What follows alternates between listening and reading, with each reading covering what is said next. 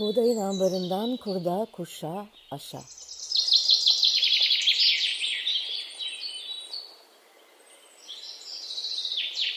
Merhaba, ben Buğday Derneği'nden Lale Han. Buğdayın ambarından kurda, kuşa, aşa podcast serimiz ruhumuza, aklımıza, toprağımıza düşen hayatın tohumlarının yeşerirken çıkardığı sesi duymak isteyenler için kayıtta. Bu haftaki kaydımızda Gülcan Niç ile beraberiz. Hoş geldin Gülcan. Hoş bulduk. Ee, Gülcan önce seni tanıtmak istiyorum e, izninle. Eksik olanlar, eksik yerler olursa sonra konuşmamızda sen eklersin.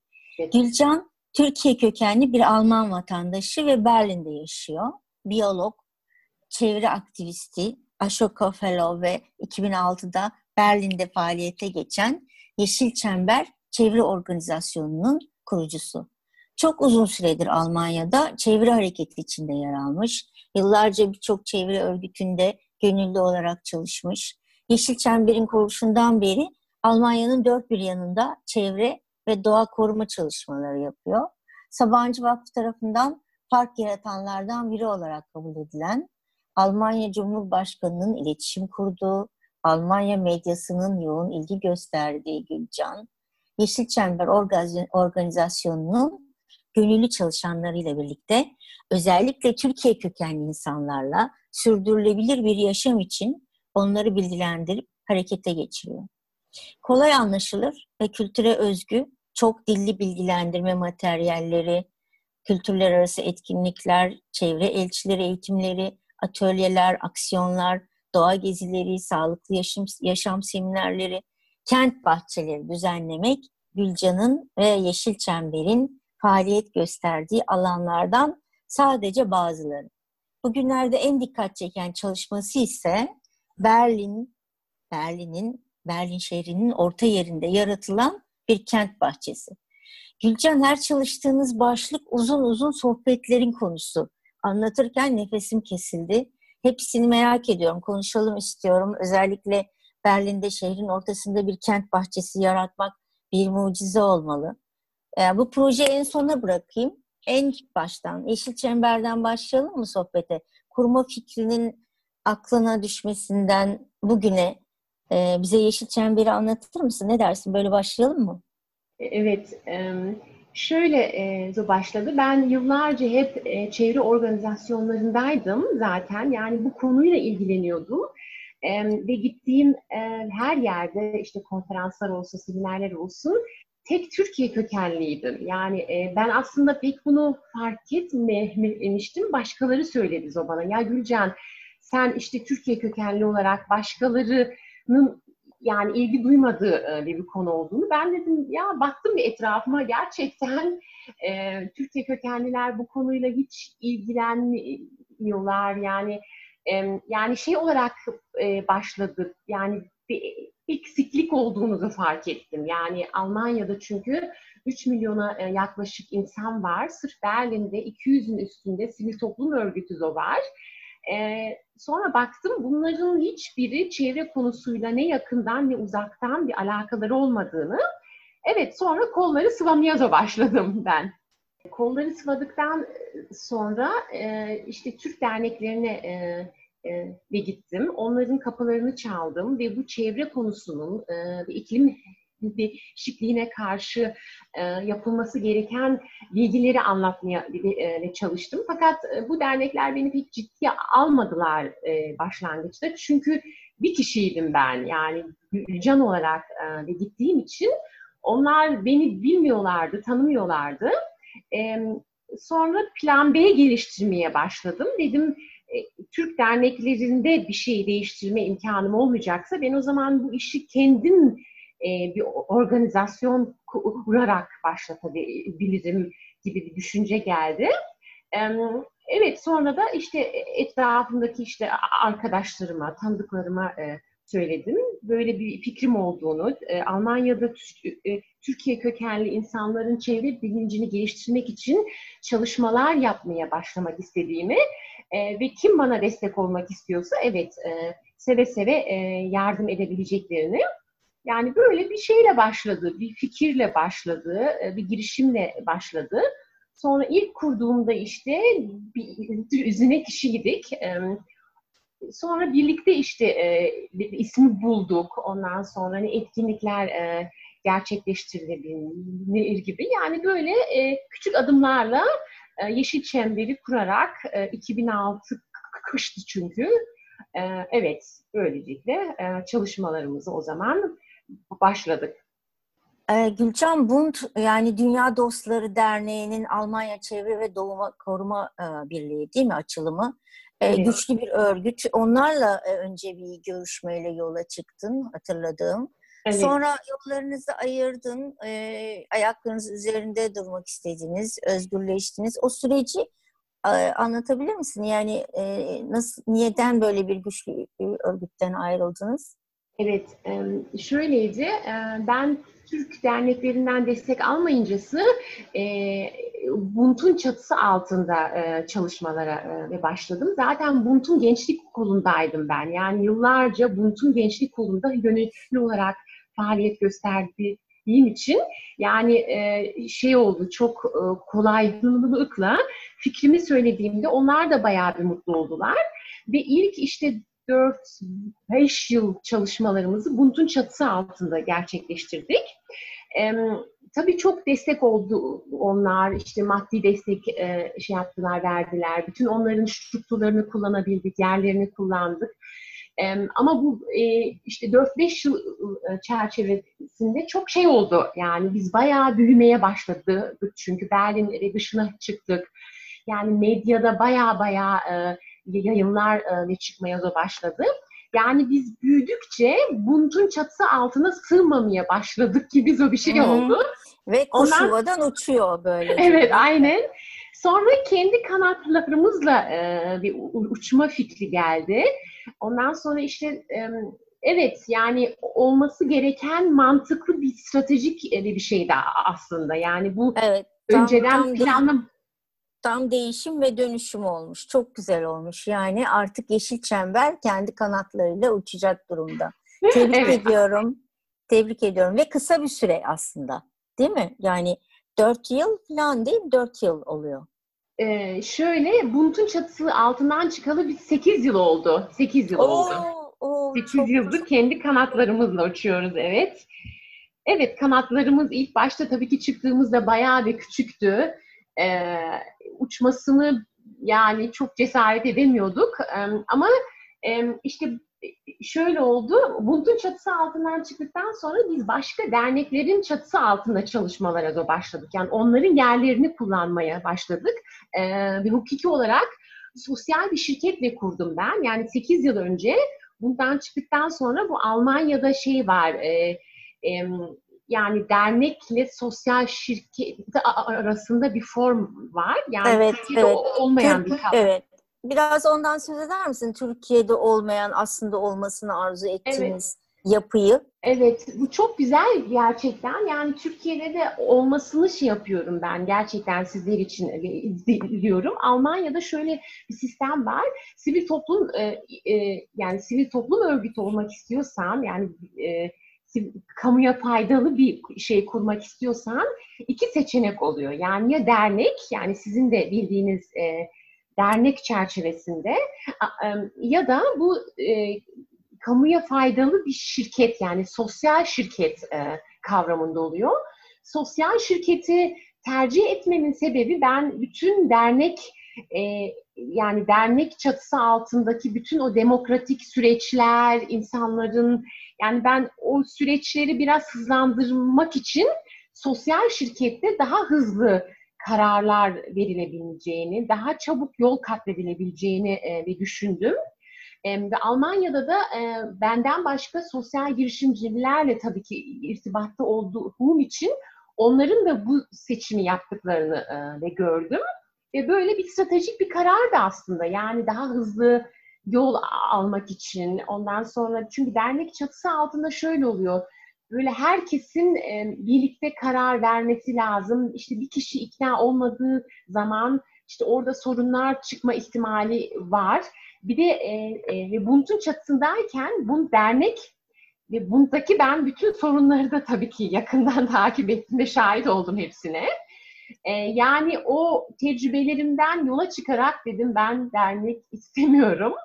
Evet. Çok yani. güzel bir seçenek, sosyal şirket. Çok güzel bir tanımlama. Ee, ben şimdi bu kanatlar tamam takıldı ve, ve özgürsünüz. Nerelere uçtunuz Yeşil Çember ve bu sosyal şirket çatısı altında? Kimlere ulaştınız bugün geldiği noktada Gülcan? Evet. E, nerelere gidiyor Yeşil Çember? Sadece Berlin değil anladığım. Yok yok. Yani şu son yıllarda ben Almanya'nın e, dört bir yanına gittim. Yani doğudan batıya, kuzeyden e, güneye kadar. Şimdiye kadar e, baktım 17 şehirde seminerler biz gerçekleştirmişiz şimdiye kadar. Yani Almanya'nın 17 şehrinde Türkiye kökenli insanlara bilgi vermek, işte onları bu konuya yaklaştırmak için e, aktivitelerde e, bulunduk. E, ya ben kapılarını çaldım. Yani ilk yıllarda şöyleydi. O şehirlere gitmek için ben bayağı bir kapı çalıyordum. İşte diyordum biz size gelmek istiyoruz işte. Frankfurt'ta işte istiyor musunuz falan. Sonra şey tersine dönmeye başladı. Son yıllarda şehirlerden bize e, ilgi göstermeye başladılar. Bizi çağırıyorlar ve diyorlar ki işte gördük siz Stuttgart'ta faaliyeti gerçekleştirmişsiniz. İşte biz Stuttgart'a bir saat e, uzaklıkta başka bir şehirden size şey yapıyoruz, yazıyoruz. Bize de gelip bu çevre gününü nasıl organize edeceğimizi anlatmanızı da istiyoruz. Yani bize yardım etmenizi gibi. Yani top e, bir süre sonra kendiliğinden böyle kar topu gibi yuvarlanmaya başladı zaten. Yani şu an ben söyleyeyim reaktif olarak yani ben hiçbir yere gidip ben seminer vereyim size istiyor musunuz diye öyle bir girişimde bulunmuyoruz artık biz birkaç yıldır. Ee, yani insanlar, insanlar size geliyorlar. Evet, insanlar da bize e, Peki e, siz kimsiniz? Kaç kişisiniz? Çekirdek kadronuzda kimler var Gülcan? Evet, e, şöyle ben baştan beri şöyle e, bir sistem oturtmak istedim. E, dedim ki benim hiç beş kuruşum bile ol, yani kalmasa dahi bu kurduğum e, strukturlar devam etsin e, istedim ben ve gönüllülüğe ben çok e, e, şey yaptım. Yani e, bütün e, zamanımı, e, enerjimi gönüllüleri çoğaltmakla e, e, ne derler e, harcadım. E, onun için bizim aslında merkezde gönüllülük bir strukturumuz e, bizim var. Almanya'nın dört bir yanında gittiğim her yerde gönüllüler kazanmaya başladım ben. Ve şu an Almanya'da bizim yani 200 ile 300 arasında e, gönüllerimiz e, işte kaldıkları yerde, işte mahallede, yaşadıkları şehirlerde bizim Berlin'de yaptıklarımızı onlar da kendi şehirlerinde işte sokağa e, çıkıyorlar, işte insanlarla e, iletişime e, giriyorlar, bilgilendirme materyalleri dağıtmaya başlıyorlar ya da e, plastik torbaya karşı aksiyonlar yapıyorlar ya da kampanyalara katılıyorlar e, imza kampanyalarına katılıyorlar. Ondan sonra biraz onlardan söz edelim mi Gülcan? Neler var? Yani neler dağıtıyorlar? Evet. E, ne içeriği nedir? Karbon ayak izi, evet. ekolojik yaşam e, evet. bilgisi ne e, şeyi öğrenmek istiyorum. Yani kapıyı çalıyorsun, e, buyur hoş geldin. Türk misafirperverliği ne diyorsun? Evet. E, hayat biçimi mi öneriyorsunuz? E, kitlerden bahsedebilir misin? Neler onlar? Evet. Hazırladığınız kitapçıklar. Evet. Şimdi de bizim çıkardığımız birçok konu hakkında de kitapçıklar var, bilgilendirmeler de var. Ve ilk başta biz bunları Türkçe sadece yayınlıyorduk. Sonra baktık ki Almanya'da yaşayan gençler de bize katılıyorlar ve o gençlerin Türkçesi çok iyi olmadığı için yani yarı Almanca, yarı ve Türkçe de biliyorlar.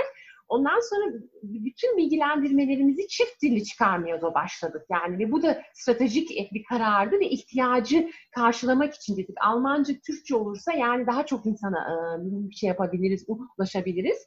Yani en genç gönüllüm daha 11 yaşlarında bir kız çok tatlı Berlin'de. Annesiyle birlikte şey yapıyor bize geliyor. Annesi gönüllü e, kızı da gönüllü, çok şey yapıyor, seviyor gerçekten çevre konularını. En yaşlımız 80 yaşlarında. Yani 11 hmm. ile 80 yaşları arasında gönüllerimiz var. Bunların %90'ı kadınlar. Yani kadınlar daha çok e, ilgi gösteriyorlar.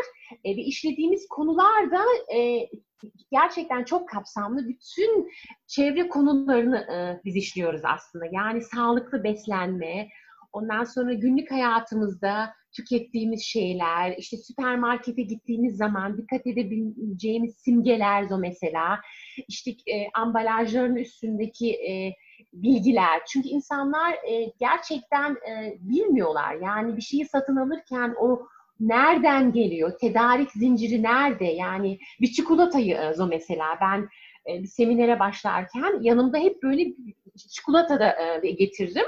Ve Almanya'da şöyle bir e, çikolata e, e, çıkartıldı. Çocuklar e, yani çevreci e, ve çocuklar e, kendileri bir çikolata çıkartmaya başladı. Ve bu çikolataya da şey ismi o verdi. Yani dünyaya iyilik e, e, çikolatası. Yani bu çikolatayı aldığın zaman dünyaya faydalı bir şey yapmış oluyorsun. E, o Ay, kârı, çok heyecanlıymış. O kar, o çikolatayı e, şey yapıyorum çünkü satın alıyorum. O, o çikolatanın karıyla çocuklar çünkü bir dernek şey yaptılar Almanya'da kurdular. Bu gerçekten çok yaygın bir organizasyon oldu sonra çok tanınmış.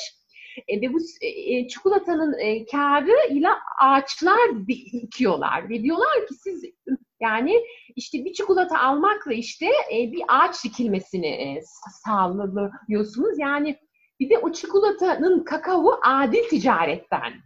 Hı hı, fair trade, evet. Evet, fair trade olması çok önemli ve ben seminerlerime şey başlıyorum. Yani insanları e, olduğu yerden yakalamak. Çünkü hmm. herkes çikolatayı seviyor. Herkes süpermarkete gittiğinde işte çoluğuna, çocuğuna ya da kendisine çikolata alıyor.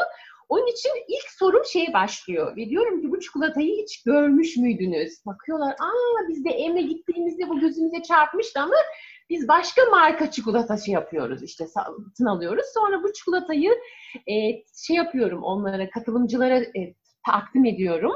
Ve diyorum ki bununla yani hem tadı güzel hem yani çikolatayı yapan kakao çiftçisine kadar yani kakao koparan çiftçiye kadar e, vicdanımız rahat olarak bunu yiyebileceğimizi söylüyorum ve piyasadaki diğer çikolatalara e, bir bakıyoruz. Yani büyük firmalar, büyük şirketler bunlar insanları sömürüyorlar ve çocuk işçiliği ondan sonra oluyor ve filmler göstermeye başlıyorum. Bir film var onu gösteriyorum. Filmin adı Kirli Çikolata. Yani oh. çikolatanın kirli şeyi, kirli tarafı ve çok korkunç bir dokumentasyon gerçekten. Sizin de izlemenizi mutlaka tavsiye ederim.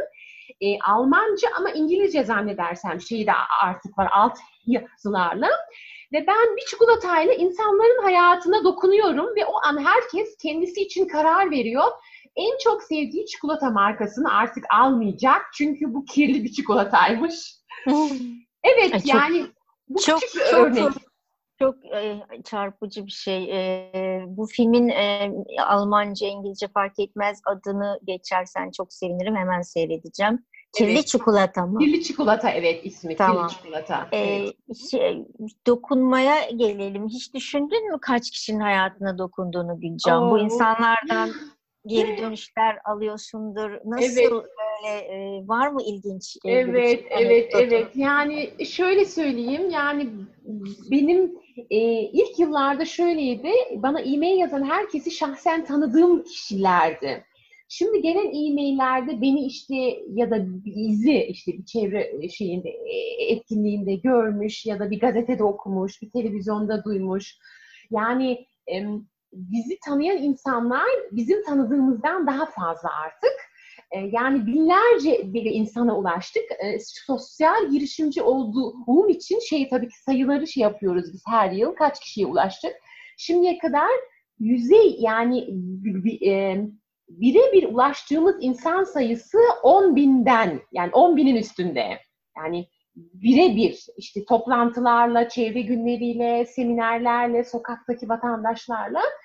Fakat e, onların sonra bu çevre elçilerimizin işte gönüllerimizin e, ulaştığı işte arkadaşları, aileleri, ondan sonra tanı yani bu kar topu gibi yuvarlandığı hmm. e, için zaten Büyüdünüz. yani tam sayıyı söylemek çok zor olur. Yani şey bir sayı tutamayacağımız bir sayı, peşinden koşamayacağımız zaten, bir sayı. Zaten duymak istediğim bu sayı sayılarla değil, gerçekten büyük bir dönüşüm başlatan bir çember, çember içinde çember. Ben şey hatırlıyorum e, Gülcan, 2007'ydi galiba, gene böyle bir çevre günü etkinliğinde evet. e, sevgili Viktor'u davet etmiştiniz evet. bir tanesine. evet.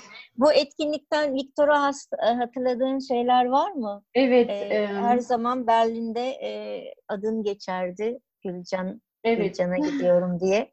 Var mı e, aklında Viktor'u? Evet. Oh, hiç olmaz olur mu? Ee, hiç olmaz olur mu? Ben e, 2006 sonunda işte e, organizasyonumu kurduktan sonra bir iki ay sonra Türkiye'ye gittim. Çünkü Viktor'un isminden duymuştum, buğdaydan duymuştum ve İstanbul'da sizin organik pazardan e, duymuştum. Sonra Şişli pazarına gittim. E, Viktor oradaydı. Sonra Viktor'un yanına gittim. İşte kendimin kim olduğunu söyledim. Ben de dedim sizin yaptığınızı Almanya'da yapmaya başladığımı söyledim işte bir iki ay önce. Ve dedim ki biz bu sene Berlin'de Almanya'da ilk çevre gününü, Türklere yönelik ilk çevre gününü biz organize etmek istiyoruz. Ve seni konuşmacı olarak biz e, çağırmak istiyoruz. E, ve bana baktı, tamam şeyini söyledi, e, e, hangi zaman olacağını söyledi termin olarak. Takvimine baktı ve bana iki dakika içinde gerçekten o gönül bağlarımız oluştu. Yani bana Hı-hı. Almanya'da destek olmak için ilk defa Türkiye kökenli insanlara böyle bir çevre günü yani o organize edeceğimiz için o, kendisi heyecanlandı. Dedi tabii seve seve dedi şey yaparım, e, gelirim. Sonra e, ilk çevre günümüz oldu. Tabii ki biz çok heyecanlıydık. Çünkü ilk etkinliğimizdi bu. Ve bana Türk derneklerinden şöyle bir şey gelmişti. Gülcan, kimse gelmezse hiç hayal kırıklığına uğrama gibi böyle bir şey geldi bana. Ben tabii ki bayağı bir endişelenmeye başladım. Ya işte kimse gelmezse ne yapacağız falan. Lalancım 200 kişiden fazla geldi sonra o gün. E, salon doldu böyle tıklım tıklım gerçekten. İşte gazeteciler, televizyon e, ekibi geldi ve Viktor da oradaydı. Sonra e, Viktor şeyi söylemişti, Gülcan demişti, beş kişi de gelse o ulaştığınız beş kişi için sevinin.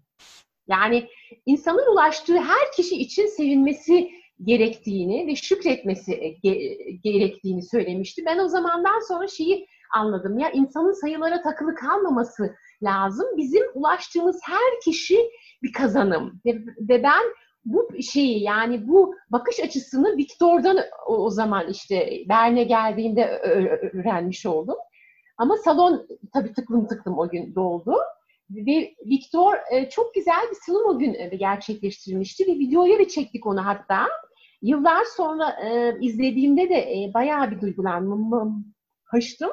İnsanlara o kadar gönülden hitap ediyordu ki ve ben bu insanların gönlüne hitap etmesini Victor'dan öğrendim, iş oldum. Yani ben onu, yani ben sanıyordum ki işte ben insanlara bilgi vermek istiyorum. Yani e, Viktor'u o çevre gününde sunumunda gördükten sonra aa dedim demek insanları ikna etmenin yolu bilgi vermekten fazla gönüllerine hitap. Evet, e, bunu Viktor Viktor, Viktor, Viktor ruha dokunurdu. Her podcast'te e, adı mutlaka geçiyor ve hep geçecek sanırım. E, ben e, Viktor bölümleri olunca biraz sessizleşiyorum. Hemen işime döneyim. Yeşil Çember'de sizi seni en çok mutlu eden çalışma hangisi Gülcan? Yani e, çevre günü düzenlemek, e, evler, ev ziyaretleri, e, gönüllülerle iletişim. E, hangi en çok en hangi e, çalışma alanında zevk alıyorsun? Oo, zor bir soru e, ve gerçekten çünkü ben bu çalışmamı bir, yani bir normal e, e, işe gitme gibi kesinlikle e, örmüyorum. Yani benim sevdiğim bir şey yani yaptığım e, her şeyde e, yani ben yaptığımız şeylerin e, hepsinden keyif alıyorum, isteyerek yapıyorum ve o zaten keyif almasam insanlara o kıvılcımı verme imkanı da olmayacaktı ve bize gelen gönüllerimiz e, yani yıllarca e, gitmiyorlar, bizde kalıyorlar ve e, söyledikleri şey mesela var. Gülcan sen öyle bir kıvılcım bize zo verdin ki yeşil çemberden gide yani gitmenin zor olduğunu yani o kıvılcım çünkü zamanla büyüyor. Onlar da o aldıkları kıvılcımı başka insanlara e, ulaştırıyorlar.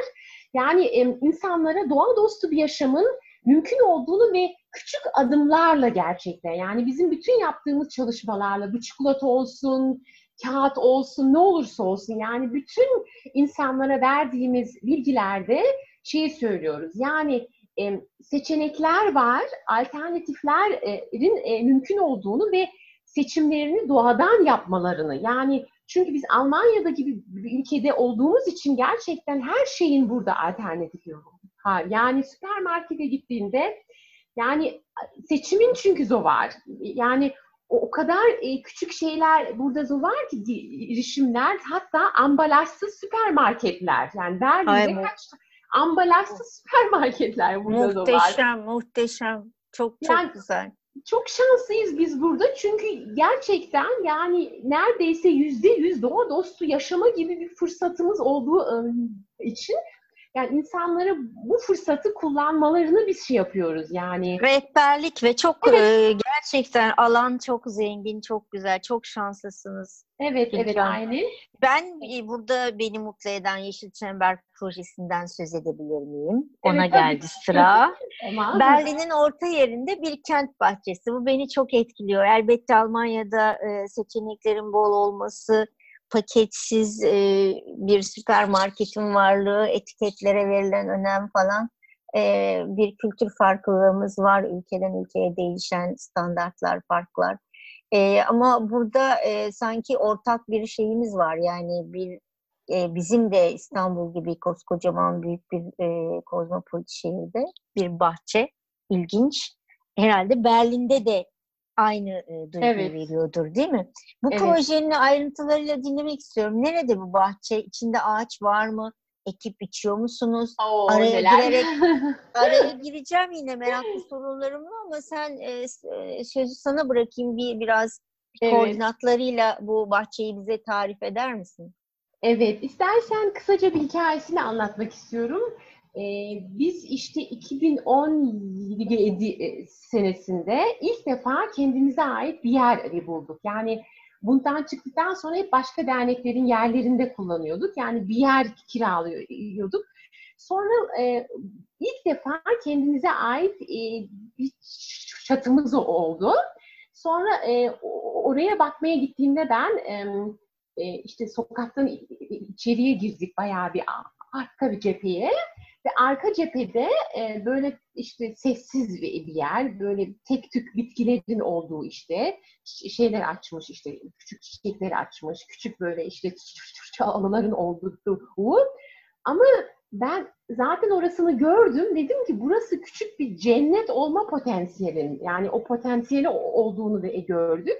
Ve bizim e, şeyimizde alanımızda eskiden arabalar e, yani şey yapıyormuş oraya park ediyormuş. Ve o park edilen o taş parseller e, bizim oldu yani bize ait oldu. Sonra dedim ki bunu bir bahçeye biz e, çevirelim. Ve üç yıl önce ilk defa taşların üstüne toprak ektik. Tonlarca toprak ektik. Toprak hmm. koyduk. Çimen çok güzel yaptık. Bir, çok güzel bir tanımlama bu. Betonun üstüne toprak ektik. Evet. Şahanesiniz çimen yaptık ve çok heyecanlıydık. Çünkü ben ömrümde hiç çimen dikmemişim, hiçbir şey yapmamışım.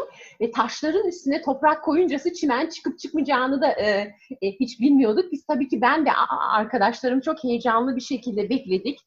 E, ve ilk defa işte 3 yıl önce çimenlerimiz çıktı. Çok mutlu olduk. Yani ondan sonra çimenlerden sonra sandık tahtaları almaya başladık. Ve üç yıl içinde biz orayı bir sebze bahçesine, muhteşem bir bahçeye çevirdik. Domateslerimiz var, kabak, salata, fasulyelerimiz var, şifalı bitkilerimiz var. Zeytin ağacı diktik, limon ağacı ve diktik. Yani şehrin e, merkezinde inanılmaz küçük bir cennet e, yaratmış olduk böylelikle. Evet. Beton falan kalmamıştır artık yok, kırmıştır yok. toprak ve evet, ağaçlar aynen. o betonu. Tohumları evet. nereden buluyorsunuz Gülcan?